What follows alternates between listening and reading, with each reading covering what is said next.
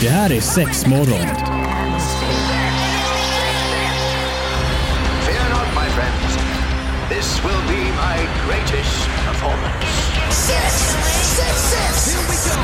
We came, we saw, we kicked its ass. Det här är sex morgon på Pirate Rock. Ja, mina damer och herrar! Sex morgon! Sex morgon!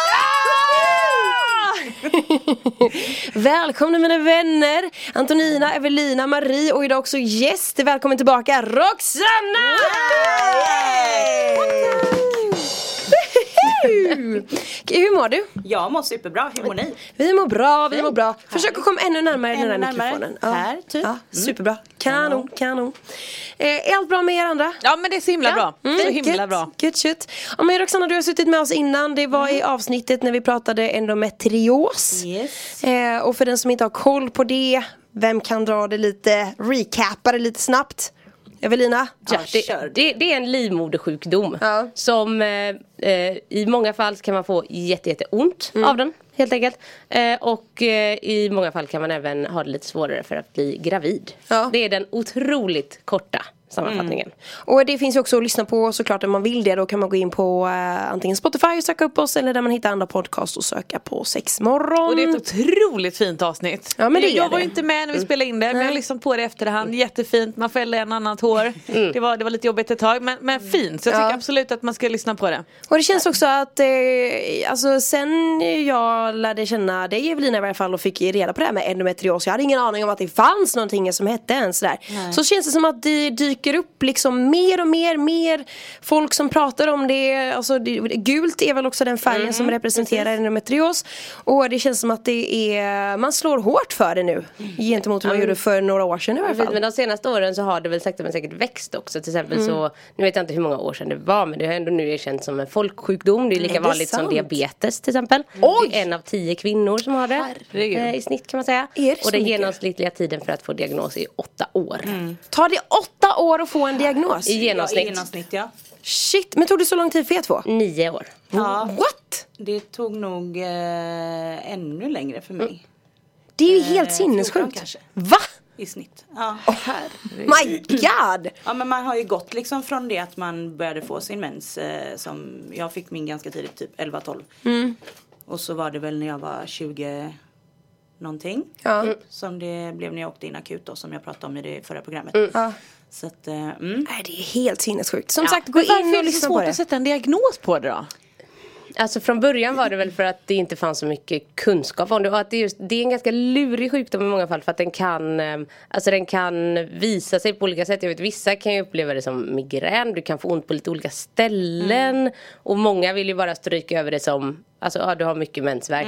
Ja, okej. Precis. Och det är sen- typ det basic som eh, man Ja. säger om man inte har kunskapen. Ja, att men du har precis. kraftiga. Och sen för att se endometrios, så viss, av, på vissa personer kan du se det genom att göra ett vaginalt ultraljud. Och Okej. Titta helt enkelt efter, man kan säga, mörka slemklumpar. Okej. Enkelt Men fattat. typ såhär koagulerat blod-ish. Eller nej? Mm, det, är Alltså- en, det är livmoderslemhinna som Okej. Mhm, har fastnat på fel ställen i kroppen och reagerar. Kan man säga. Säg nej. Det är en vätska också som håller sig, eller som inte håller sig där den ska utan den sprids ju i kroppen liksom. Ja, okej. Ja. Så ja, det, det är lurigt att sätta väl tydligen. detta. Det är helt sjukt att det, men vi hoppas att det också ändrar sig att det inte ska behöva ta sådär lång tid för det är ju sjukt att vänta 9 och 14 år på att få en sån diagnos liksom. Riktigt värdelöst men som sagt vill man lyssna igen det, genom det avsnittet så är man varmt välkommen in där vi eh, har våra plattformar och söka på sexmorgon. Idag är Roxanna med oss för vi ska prata om eh, Ja, men, jag vet inte. Lite fertilitet Ja, och lite... precis. Vi ska gå mer åt det hållet för Roxanna du har så mycket. Mycket att prata om. är gammal och vis. Jag visste inte var jag skulle ta det någonstans men tack att du tog över. Vi kör! Mm, vi kör. Sexmorgon är det, varmt välkommen hit. Vill man följa med oss på sociala medier då är det sexmorgon som gäller såklart. Och idag då lite fertilitet och liknande eh, saker och ting som hör till det. Och eh, Roxanna, du som är med oss idag just för att prata om detta. I och med din endometrios och sådär så var det väl också väldigt svårt för dig att bli gravid eller hur funkade det? Ja, det är bland annat. Eh, jag hade ju, eh, eller det jag började förstå var väl när jag hade min första långa kärlek. Mm. Eh, liksom, som jag blev tillsammans med. Och eh, vi använde inte skydd. Och vi var ju tillsammans rätt många år. Så att, eh, och det hände ju liksom aldrig någonting. Nej. Alltså, Man har ju alltid fått höra det. Skydda dig för Ja, du men kan bli precis. gravid bara ni nuddar varandra Ja men, liksom. det, ja, men det är typ det man lär sig i högstadiet. Använd kondom för annars blir du gravid typ direkt ungefär. Man lär sig inte när man blir gravid. Nej. Eh, under menscykeln eller sådär. Eh, nej så att eh, då förstod jag att det var någonting men kanske inte tänkte riktigt på det för då var man ju ändå ganska ung. Jag var liksom 18, 19, 20, 22, 23. Eh, och sen tog det slut där eh, och sen blev jag tillsammans med en annan kille. Vi var tillsammans några år där också och eh, det hände ingenting där heller. Och då började jag väl liksom misstänka att det är någonting. Men tal om endometrios då fanns ju inte för då Nej. visste man ju, eller det, det, jag visste inte ens vad det var för någonting. Eh, så att, eh, ja och sen när vi gjorde slut då då blev det, jag tror att jag pratade om det i det andra programmet, att jag åkte in akut för jag fick sådana otroliga buksmärtor. Eh, så att de fick hämta mig med ambulans. Och så eh, när jag kom dit så gjorde de massa, massa undersökningar. De undersökte mig både två och tre gånger. Och till slut när de kollade då med, med eh, vaginalt, eh, Nej. nej då, då, då gjorde de med vaginalt ultraljud. Eh, då såg de att jag hade en cysta som hade spruckit på min ena äggstock. Eh, så då sa de att det blir akut operation och den akuta operationen tog eh, typ, jag fick ligga där i 24 timmar innan de gjorde någonting. Jag fick Oj! smärtstillande. Ja, jag fick smärtstillande bara för att, morfin bara för att liksom klara smärtorna men det blev För jag menar det gör mig jävligt ont. Jag har hört det här med Ja. syster när de spricker så. Alltså det gör Nej skitont. men alltså du, men det, det går liksom inte att föreställa sig för alltså det, jag, fick, jag kunde inte ens andas. Du vet man ligger och hyperventilerar för att du vet inte vad du ska göra av smärtan. Eh, och du spyr ju av smärtan och liksom, ja man är ju helt liksom Ja, Fy fan. borta. Har ni, har ni varit med om det? Om att, en syster, att man har haft en syster så på äggstocken? Nej. Nej, nej. Men njursten och gallsten det kickar väl in ungefär kanske under samma kategori. med av smärta tänker du? Ja. Ja, jag har inte haft något utav det då, Nej. jag kan jämföra. Nej. Men eh, nej det är fruktansvärt. Ja. Eh, och jag hade haft flera gånger innan då jag hade liksom svimmat på toaletten. Eh, mamma och pappa hade hittat mig eh, halvt liksom neddragna byxor. Hade ramlat av toalettstolen och liksom låg med huvudet utanför toalettstolen eller utanför badrummet när de kom hem och låg i mina spyor liksom. Oj. Och de trodde att jag hade knarkat. Men gud, är det Eh, sant? Ja, för jag var så borta. Alltså jag hade så fruktansvärt ont så att jag kunde liksom inte prata. Och jag minns, alltså jag kommer ihåg Alltså känslan som man ser på film när folk så här blir skjutna eller någonting och så ligger de där och bara en sista tankar. Ja, dör långsamt, Ja men typ liksom. för att jag låg där och hade så ont så att jag kunde liksom inte säga någonting. Nej. Så jag låg i mitt kräk med håret och allting. Som en, eh, och då var jag ju Ja, jag bodde ju hemma fortfarande så att jag var 18 kanske. Mm. Eh, strax innan jag flyttade hemifrån. För jag var ändå vuxen men inte, ja. Men förstod du där och då, då att, eh, att, att detta berodde på att du inte kunde bli gravid då? Eller vadå? Nej, nej, utan då blev det ju då att när jag åkte in på den här akuta operationen Mm. eh, så opererade de mig. Eh, och så, eh, jag hade ju liksom vänner och mamma och sånt som var på besök och sen så var de lite fula där läkarna kan jag tycka och vilket var jävligt oschysst att eh, de kom ju bara in och så här på sin rond typ och bara Ja by the way du kan inte bli gravid så att eh, nu ska vi till nästa patient typ. Alltså det, var, det blev så och för mig var det, alltså jag ville ju Även om inte jag hade ett förhållande då men jag har liksom alla mina vänner känner mig som att jag har alltid varit den som ville skaffa barn. eh, ganska tidigt om jag hade kunnat. Ehm, så att det blev en jävla käftsmäll. För jag menar det är ju en, alltså jag skulle precis säga, det är ju ett slag för döden om man verkligen har en, en, en, en inre längtan Ja, efter att få precis, barn ja. liksom. Så att det Så att Ja hon kom in och liksom berättade det att vi har hittat eh, det här det här och inte, Då nämnde hon inte endometrios heller. Nej. Eh, utan eh, då sa hon bara det att eh, du, jo hon sa att jag hade adherenser och det är alltså att det är massa slemhinnor och massa trådar som typ alltså gjorde att att eh, äggstocken och allting var liksom ihopvirat eller så här. Ah, Det var som en stor klump. Hon sa det att det, det har gått så pass långt så att vi kan inte klippa upp det. Alltså du, därför kommer det inte igenom spermier och det är liksom Ja, Och äggen kommer inte ut ordentligt nej heller liksom. precis. Nej. Så att ehm, Ja Eh, Så det var det då. Och sen då som jag berättade också i det andra programmet att, att eh, jag läste mig till det i min egen journal sen när jag fick hem den. Att det stod någonting om endometrios. Eh, och då hade jag läst det i tidningen innan och så kollade jag upp och jag bara men shit det är ju samma sak. Typ. Och så la jag ihop ett och ett och så att jag typ fattade det själv. Det var inte så att läkarna bara du har endometrios och nu ska vi hjälpa dig. Nej. Utan det var bara vi kunde inte operera dig så att tack och hej. Men, men alltså att du ändå fick journal, det är inte alltid bara att få sina egna journaler. Jo, man, nu Ja. mera får du väl alltid det digitalt. Aha. Ja nu kan man ju få det på 1177. 1177 precis. Ah, okej. Men eh, detta var ju då Ja, det var länge sedan. 2009. Mm. Ja det är ju en liten stund sedan. eh, det är ju några år sedan. Ja, vi ska snacka mer om det alldeles strax så häng kvar. Sex morgon är det idag, varmt välkommen hit. Vi har med oss Roxanna i studion och vi pratar om fertilitet och liknande. Och vi ska glida in på lite andra grejer. Vad, eh, vad, vad, vad som komma skall höll jag på att säga. Nej men just det här med att eh, det är inte bara sådana grejer som Nej. kan leda till fertilitet utan andra saker också såklart. Precis. Eh, ja, det de upptäckte också då var att jag eh, förmodligen hade en gammal eh, klamydia-infektion då som aldrig hade läkt. Och den klamydian hade jag ju haft cirka 8-9 år tidigare. Är det sant? Yes. Eh, och eh, jag hade det en Visste gång du då. att du hade det då eller? Så att du Ja, hade fått alltså jag behandling fick, för ja, det? jag fick ju behandling eller det här klassiska, här ett, två tabletter. Nej Ja. men alltså det här. Men Ligg inte på en stund, ta Nej, de här Ja tabletterna. men precis. Ja. Eh, för då eh, hade mitt ex eh, ja, träffat en annan och sen så började vi träffas igen. Mm. Och vi hade ett litet uppehåll där. Och så och då hade han träffat en tjej och så hade han fått hem det här klassiska härliga brevet också. Bara hej du har klamydia, du måste gå och testa dig typ. Och då berättade han det för mig att "Eh, jag har fått ett brev och jag bara åh din dumme liksom. Fan. Ah, ja.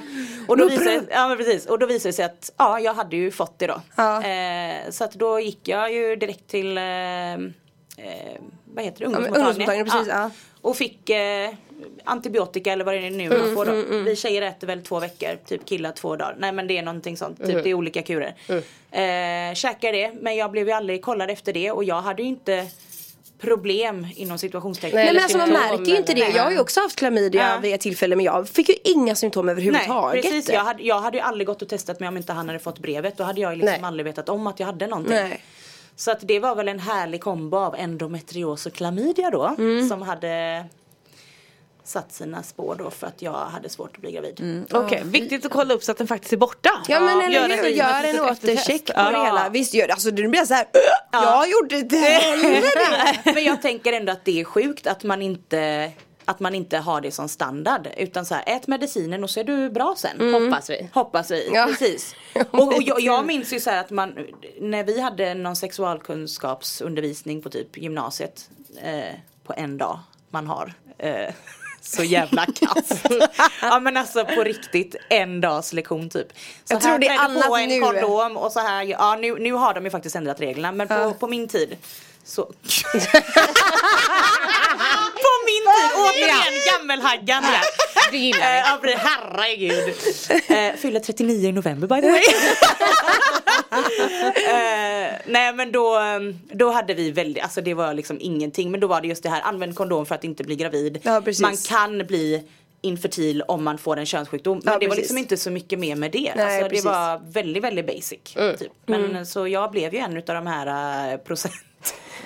Som min mamma säger, bara det är så jävla typiskt att du ska åka på allting. Ja, Jag ja, bara, ja. ja that's what make me special. Ja precis, I'm unique. Ja men alltså gud. Ja. Men, men och, och jag menar hur fan går man vidare för, efter det liksom? För jag menar vad kan du varit då? Men runt 20 sa du? Ja Ish. då var jag, eh, som, jag och matte är ju fantastiskt. Kan ni räkna? Tj- 2009 var detta då, när jag fick min dom tänkte jag säga. Vi skiter räkna, vi, Vi skiter räkna, 20. ja precis. 20, 20 någonting. Nej men jag valde typ 24 eller någonting. Ja. Typ något sånt. Eh, så att det var ju fruktansvärt. Mm, Alltså grät mig igenom den dagen och så bara ringde jag pappa som var utomlands och och han kom hem med en gång och ja, det var kaos typ. Det var jag det värsta jag kunde tänka mig. Men, men bara för att liksom pusha det här vidare lite nu, nu till Fina, nu har du ju Mm, Precis. barn. Eller ja, ni nu har ju jag barn. Jajamän. Mm. Eh, och då var det lite grann eh, liksom, var, var det lite eftervården här eller hur liksom den här biten gick till? Eh, ja, jag, eh, för att dra det då lite snabbt så i alla fall, jag blev gravid till slut. Eh, vi skulle påbörja IVF och så eh, blev jag gravid ändå utan att starta den här IVF-processen precis innan. Eh, och då hade jag en för jävlig graviditet. Jag mådde, nej piss alltså. Jag var sängliggande och jag skulle köras in till sjukhus och få dropp och ja, jag var så kass. Alltså, ja. Ingen kul graviditet. Nej, ingen kul graviditet. Nej. Eh, alltså migrän och hela kittet liksom hela graviditeten igenom. Och så är alla så här, men tänk att det kommer något bra ur det här typ. Och så eh, gick jag över tiden med min eh, son. Och så förlorade vi honom tyvärr i vecka 42. Eh, och då var jag Det är förbannad så för sent. det. Ja. Så att det, det gick från att inte kunna bli gravid. Det var första så här skiten i livet liksom. Och sen när man väl blir gravid så eh, skiter det sig där. Och jag tänkte så här, det här är min enda chans jag har kunnat bli gravid på. Och nu, Nu togs den ifrån nu togs mig. den liksom. ifrån mig. Och då hamnar man i ett väldigt mörkt hål. Ja. Nej, fy fasiken. Mm. Vi, eh, vi ska prata mer om det alldeles strax. Vi är tillbaka här i sex morgon. Vi har Roxanna med oss och pratar om eh, ja, men förlusten av, Mm. av, av din son Sigge. Yes. Eh, som du då hade fått, ja men blev spontangravid kan man Ja, nästan precis. säga då efter all den här eländet som var innan. Ja. Hur fasiken tar man igenom sig, alltså förlora ett barn? Det är Det är ju helvetet på jorden liksom. Alltså det går inte Jag tänker alltid så här, nu har jag kommit, alltså jag har kommit så pass långt att jag kan prata om det utan att gråta. Men ja, det är svårt. Ehm, det är typ det mörkaste hål man kan falla ner i och man känner själv att man det känns som att det, man blir själv så här, det är inte värt att leva eller varför ska jag leva och vad, vad ska jag leva för? Jag kommer inte få min familj. Jag, jag har förlorat det finaste jag någonsin har fått liksom som jag har kämpat för eller som jag verkligen har velat ha. Ehm, och ja, det, det, vi låg ju liksom i sängen i fyra månader och stirrade in i en vägg typ. Eh, och togs hand om, om våra föräldrar typ. Vi, vi gick liksom till och med på toaletten tillsammans. Alltså vi kunde liksom inte släppa varandra. Vi var så här. Vi typ låg ihop som en så här ormgrop och bara låg i sängen och så fort den andra rörde på sig så bara typ lämna mig inte. Alltså känna paniken av eh, att vad ska man säga, bli själv och, och man känner sig ensam fast man ändå vet att det är folk runt omkring en liksom. Ja. Eh, ja, För, för jag menar, fick ni någon form av eh, hjälp? Alltså gick ni och pratade med psykolog? Ja. Eller hur tar man sig vidare? Det som alltså? händer är när du förlorar eh, ett barn så som för oss då som, som eh, kom in och skulle föda men de märkte att han inte sparkade då och de gjorde ultraljud och så fick vi reda på då att, han, att, att hjärtat inte slog. Eh, då fick jag ju föda fram honom. Eh, Bara det är ju jättetufft. och de vill ju det för att det ska bli en psykisk grej då. Eller det liksom ingår i bearbetningen direkt att de vill att man föder. Men fick du den informationen där och då typ? Ja, då hade jag inte. ju, ja jag fick ju, för att man gör ju ett ultraljud när man kommer in, eh, när man ska föda alltid, bara för att liksom kolla läget. Eh, och då märktes det då som sagt att hans hjärta inte slog och jag misstänkte att det var någonting dagen innan. Eh, men jag tänkte så här, nej men jag är bara så jävla nervös, vi ska sättas igång och liksom så här. Ehm, och jag vet att en sjuksköterska typ hon bröt ihop för att hon var så här, hon hade, alltså hon satt och letade efter hjärtslagen en sån jävla bra stund och hon var så här, jag märkte på henne att hon var nervös och jag bara kände så här. Nej, Nej, det är, någonting, det är någonting, det är någonting, det är någonting liksom. Så att när läkaren sen kommer in och måste konstatera, för det måste ju alltid vara en läkare som gör det. Då, eh, då bröt hon typ ihop. För hon bara, jag tyckte verkligen jag hörde ett hjärtljud liksom. Hon, hon kämpade så. Typ. Så att hon eh, hon och så en annan, de låg med oss i sängen sen på sjukhuset och typ klappade på oss och typ tog hand om oss som fan. Och eh, det var en annan sköterska där, eller en barnmorska då såklart, som eh, hon hade varit med om samma sak så att det var väldigt skönt att prata med henne för att hon fick oss Kunde att liksom till dem. Ja. Precis, och hon var verkligen så här att hon bara är det någonting här i mitt privata nummer och ja, de delade med sig jättemycket. Eh, och så sa de det liksom att ja, det gjorde mycket typ att eh, ha någon som kunde relatera till det för att just då känner man så här Vem fan är med om detta? Eller Ja, vad, vad händer det här? Det är liksom Ja. inte på riktigt, det är, det är på film typ eller det är liksom Nej, inte det är inte verklighet liksom. och jag hade aldrig varit, jo jag hade varit med om faktiskt en, en arbetskamrat som hade förlorat sitt barn på Mm. samma sätt. Eh, något år tidigare och var bara så här, fy fan det måste vara det sjukaste. Mm. Ja, alltså det okej. måste vara, det går liksom inte ens att föreställa sig att förlora ett barn. Och jag brukar tänka så här att Alltså det låter sjukt men någonstans måste man så här trösta sig i sorgen och då brukar jag tänka att han dog ändå närmast mitt hjärta.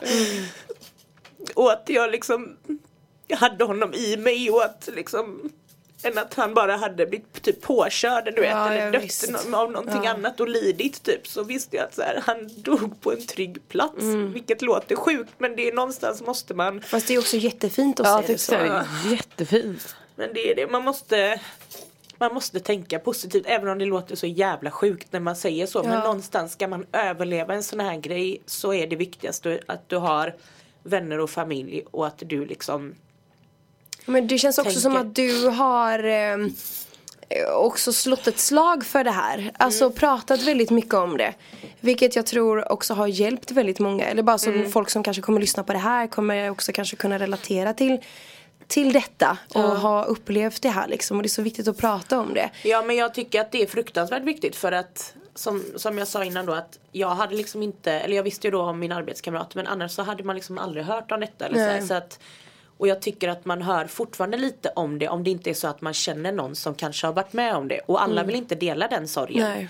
För oss var det att det tog fyra månader innan vi ens pratade med någon. Men när vi väl började prata då var det så här bara nu måste vi bara kräkas ur oss Mm. liksom allting som bara går om det här för det här får fan inte hända liksom. Nej. Så att eh, ja. Är du okej? Jag är okej. Bra. Tack, ni är så gulliga. Det är sexmorgon, Antonina, Evelina, Ja. Marie och, lite och eller lite Ja men det är, Väldigt allvarligt det, det är ämne allvarligt, idag. allvarligt ämne idag Ja. faktiskt. eh, Fertilitet och, och, och att förlora sitt barn. Mm. Vi har precis fått höra din historia här Roxanna med Sigge och eh, alltså det slår ju, det, det hugger ju rätt in Mm. i hjärtat. Det ska man ju inte skoja bort liksom.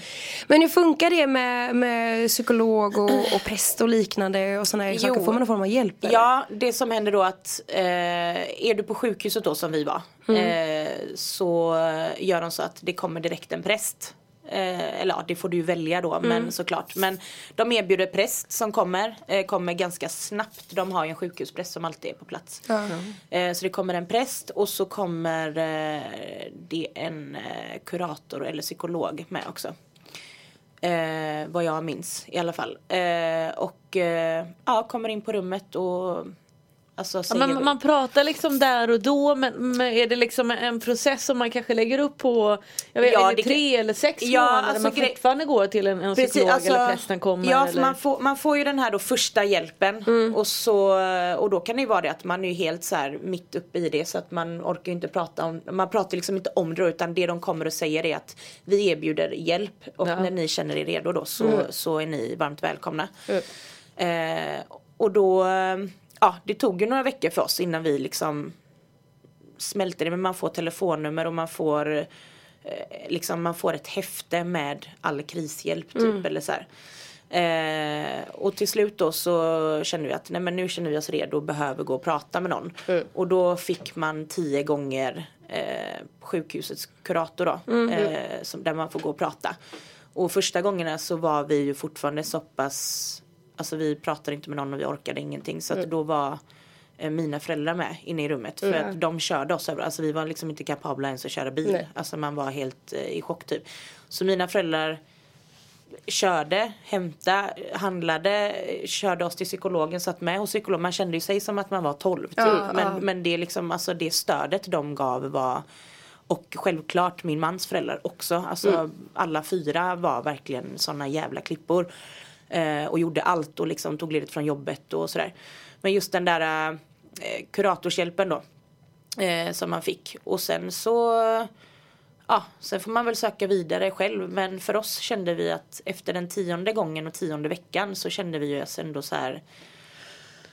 Okej, men det börjar liksom lätta. Nu kan, vi, nu kan vi börja prata med folk och orka prata med folk och så här. Eh, så att, och jag kan medge att innan var man såhär bara nej men kurator, men fan gå och prata med det typ. Alltså det är ju det, är det som är så hemskt att kurator och psykolog och Alltså psykiatriker det har som negativ klang och nu när jag själv pluggar till socialpedagog så blir jag såhär gå och prata med någon typ. Det är skitbra för alla. Typ. Eh, nej men alla borde verkligen eh, ja, ha någon man bara pff, bajsar med typ och som ingen annan behöver veta liksom. Nej precis.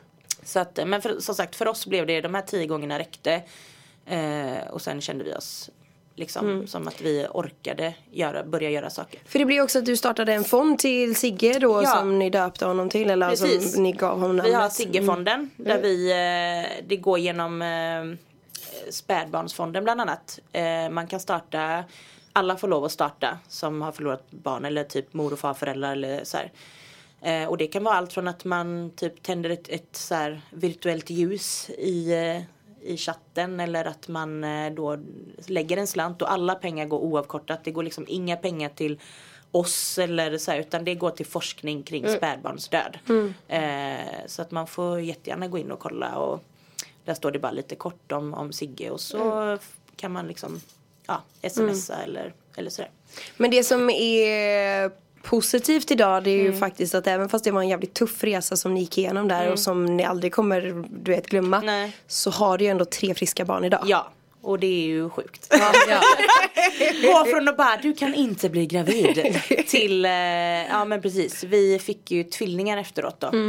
Eh, vilket var helt galet. Eh, och sen kom en liten oväntad lilla syster Ja. också väldigt tätt inpå. Så att eh, vi har eh, tre, tre barn Ja. idag. Eh, tvillingarna snart sex och lilla syster på tre och ett, eh, ja, tre och ett halvt.